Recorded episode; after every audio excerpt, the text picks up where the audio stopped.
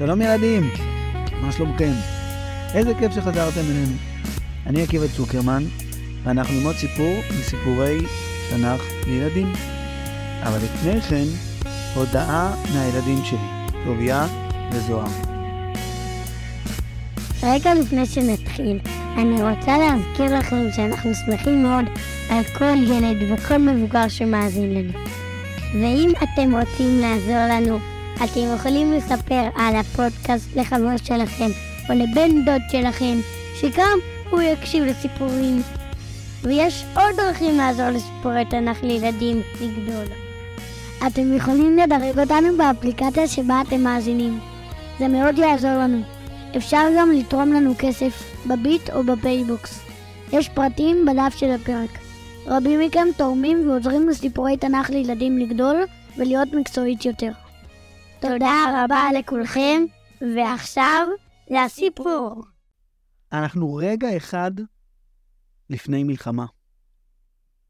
רחבעם, המלך, הבן של שלמה, גייס את כל הצבא שלו. בעצם, לא את כל הצבא. הוא לא גייס את החיילים מכל שבטי ישראל, רק משבט יהודה ומשבט בנימין. האויב שנגדו רחבעם עומד להילחם הוא... לא, לא, לא, לא. מה פתאום? זה לא המצרים. ו... לא, לא נכון, זה גם לא המואבים. זה... לא, זה לא העמונים. האויב הוא עם ישראל. שבטי ישראל שמרדו ברחבעם. הם ביקשו ממנו להקל את העול, להקל את המיסים, והוא לא הסכים. ושבטי ישראל, אלפים אלפים, עשרות, מאות אלפים מבני ישראל, הלכו אחרי ירבעם בן נבט. מי שהיה הנציג שלהם, שביקש מרחבעם להקל את העול. רחבעם שלח את הפקיד שלו, אדורם, שיגבה את המיסים הכבדים שהוא רצה. אבל כל מקום שהוא הגיע אליו, זרקו עליו אבנים וגירשו אותו באלימות. בסכנת חיים. רחבעם מבין שזה מרד, ואין ברירה. הוא גייס את כל הלוחמים משבט יהודה, ואת כל הלוחמים משבט בנימין. אתם יודעים שלשבט בנימין היו קלעים מיוחדים שהיו משליכים אבנים בקלע ומדייקים כחוט השערה, לא מחטיאים. הצבא של רחבעם, למרות שהוא היה חלקי, היה צבא עצום, ענק. היו לו 180 אלף לוחמים שעמדו מוכנים לפקודת הקרב, לצאת להילחם עם שבטי ישראל. רחבעם היה מלך שירש את הכיסא שלו. היה לו אוצרות עם כסף וזהב שהוא ירש מאבא שלו. היו לו בעלי תפקידים בארמון, מפקדים לצבא שלו, היו לו חיילים מאומנים, היו לו כלי נשק ומחסני תחמושת, היו לו תוכניות צבאיות ויכולות. הוא עמד לנצח את שבטי ישראל, כנראה, די בקלות. הצבא שלו התכונן למלחמה הזאת.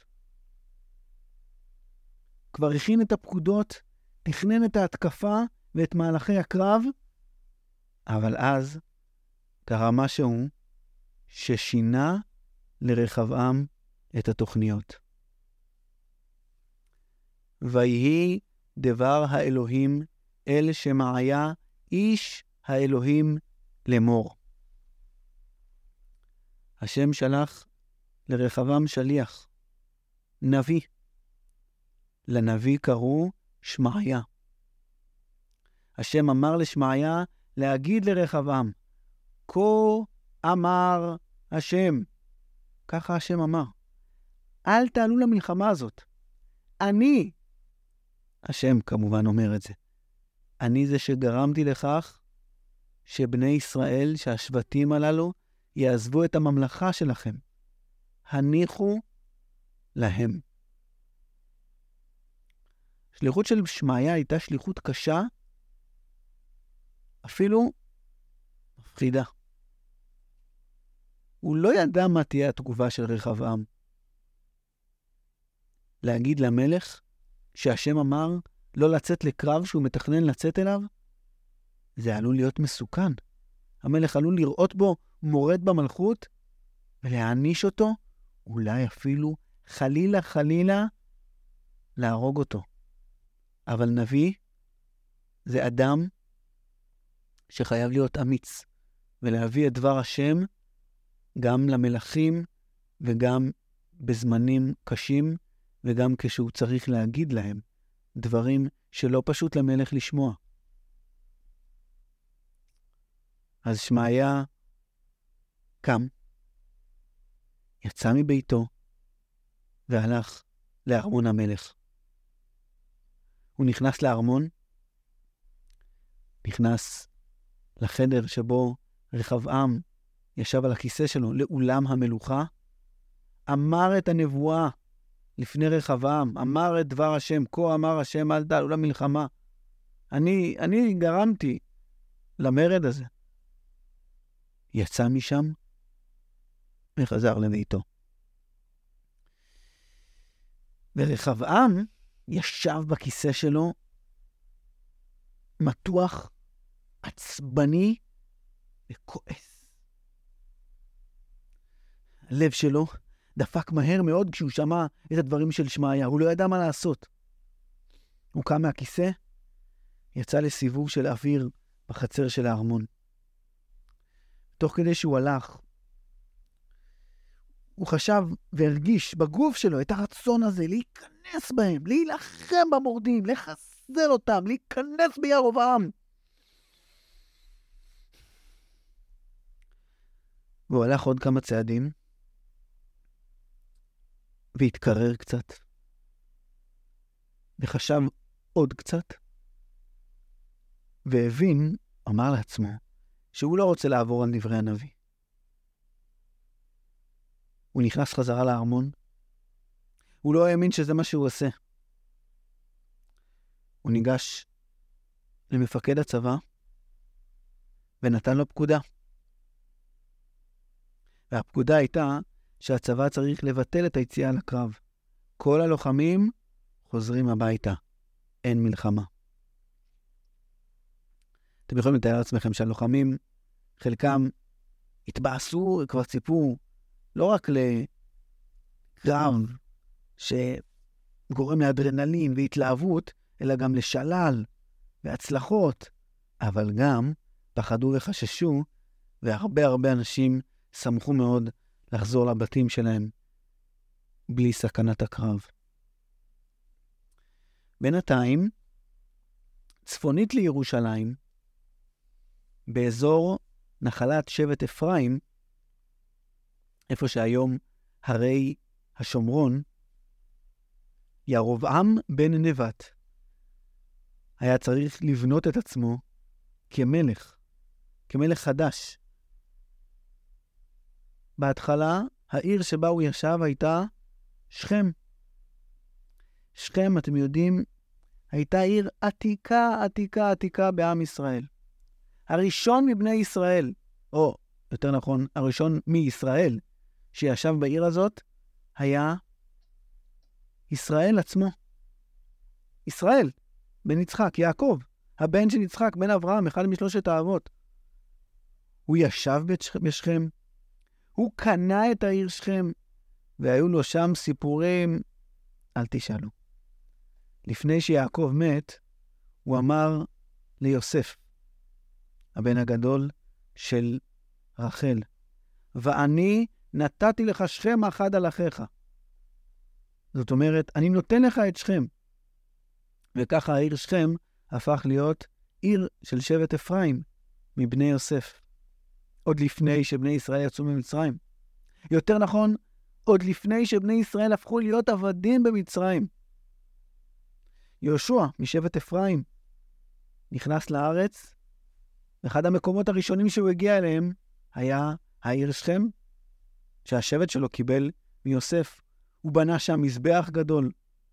והייתה שם ברית חשובה מאוד בין עם ישראל לבין הקדוש ברוך הוא בכניסה לארץ, שיהושע הוביל אותה. מסופר על זה בסוף ספר יהושע, וכמובן שגם בסיפורי תנ"ך לילדים על ספר יהושע. האמת היא שבשכם הייתה כבר מלחמת אחים. אני לא יודע אם אתם זוכרים את השופט אבימלך בן גדעון, שנלחם באנשי שכם. מסופר על זה בספר שופטים, וכמובן שגם בסיפורי תנ"ך לילדים על ספר שופטים. בשכם, בני ישראל התכוננו להמליך את רחבעם. בשכם, בני ישראל אמרו לרחבעם שהם לא רוצים אותו בתור מלך. ובשכם, ירבעם בן נבט תפס את המלוכה. ובאמת, בעיר הזאת, שבה קרו כל הסיפורים האלה וכל ההיסטוריה הארוכה הזאת, ירבעם בן נבט התחיל להיות מלך. אבל הוא רצה יותר. בשכם הוא היה בתוך השבט שלו, שבט אפרים, וכל הזמן אנשים מהשבט ביקשו ממנו טובות, ועזרות, וצ'ופרים. הוא הרגיש לא נוח להגיד להם, תאספו אותי, אני צריך לדאוג לכל העם, לכל השבטים, לא רק לשבט אפרים. הוא הרגיש לא נוח כל הזמן לדחות אנשים שבאים לבקש ממנו בקשות. מצד שני, הוא ידע שאם הוא לא יסגור את הארמון למבקרים, פשוט לא יהיה לו זמן לעבוד ולהיות מלך. חוץ מזה, הוא רצה לבנות בית מיוחד, שייבנה בתור הבית של המלך, לא להשתמש באיזה בית מאפן שכבר קיים. אז הוא בנה לעצמו בית מלוכה חדש בעיר מרוחקת, בעיר פנואל. עיר שנמצאת בעבר הירדן המזרחי, איפה שהיום זו לא מדינת ישראל, אלא מדינת ירדן, ממלכת ירדן. והמקום הזה, פנואל, הוא אחד המקומות שמוזכרים, שיעקב אבינו, שקנה את שכם וחי בשכם, עבר בהם כשהוא חזר מחרן, כשהוא חזר מהעבודה אצל לבן לארץ ישראל, הוא עבר אז בפנואל. המקום הזה, פנואל, מוזכר גם בספר שופטים, במלחמות של גדעון, שהזכרנו אותו כבר ממש לפני לא הרבה רגעים. ירבעם התחיל הכל מההתחלה. לא היו לו אוצרות של כסף וזהב, לא היו לו פקידים, לא היה לו צבא, לא היה לו יכולות כמו שהיו לשלמה וכמו שהיו לרחבעם. הוא לא יכל לבנות ארמון מפואר בעוצמה ששלמה המלך בנה. הוא ביקש מהנגרים, מהמתכננים והמהנדסים והבנאים שלו, שיבנו ארמון חדש, אבל צנוע. והארמון נבנה באמת בעיר פנואל. אז זהו, עם ישראל הוא כבר לא עם אחד וכבר לא ממלכה אחת. עם ישראל התחלקו לשתי ממלכות. ממלכת יהודה, שהבירה שלה הייתה ירושלים, שהמלך שלה היה הבן של שלמה, הבן של דוד המלך. וממלכת ישראל, שהבירה שלה בינתיים הייתה העיר פנואל, ושהמלך שלה היה ירבעם בן נבט. אנשי ממלכת ישראל, אפשר לקרוא להם גם עשרת השבטים, כי אתם זוכרים שהשבטים, יש 12 שבטים, שניים הלכו עם דוד, אז כמה זה רגע? עשר וחודש. כעשרה שבטים נשארו לירובעם. ועשרת השבטים אהבו מאוד את ירובעם המלך שלהם. הם הסתדרו איתו. הממלכה הייתה בסדר גמור. אבל יום אחד ירובעם ישב לישיבה עם אנשי משרד הפנים שלו. עם אנשי לשכת מרשם האוכלוסין. זה אלה שרושמים מי הגיע לממלכה ומי עזב את הממלכה. אלה שמחלקים תעודות לכל אחד, תעודות זהות ודרכונים. פעם, כמובן שלא היו תעודת זהות ודרכונים, אבל אלה שכן סופרים כמה אנשים יש בכל עיר, הם, זה אנשי משרד הפנים. והאנשים האלה, היועצים והשרים, כל בעלי התפקידים, הסבו את שימות ליבו של ירבעם לתופעה מעניינת. לו, תשים לב שכל פעם בחודשים תשרי חשוון ובחודשים ניסן אייר, יש כמות גדולה של אנשים, כמות לא קטנה של אנשים, שעוזבת את ממלכת ישראל.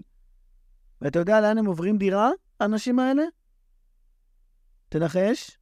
ניחוש אחד. ממלכת... כן, כן, ממלכת יהודה. הם עוברים לגור באזור ירושלים. מעניין.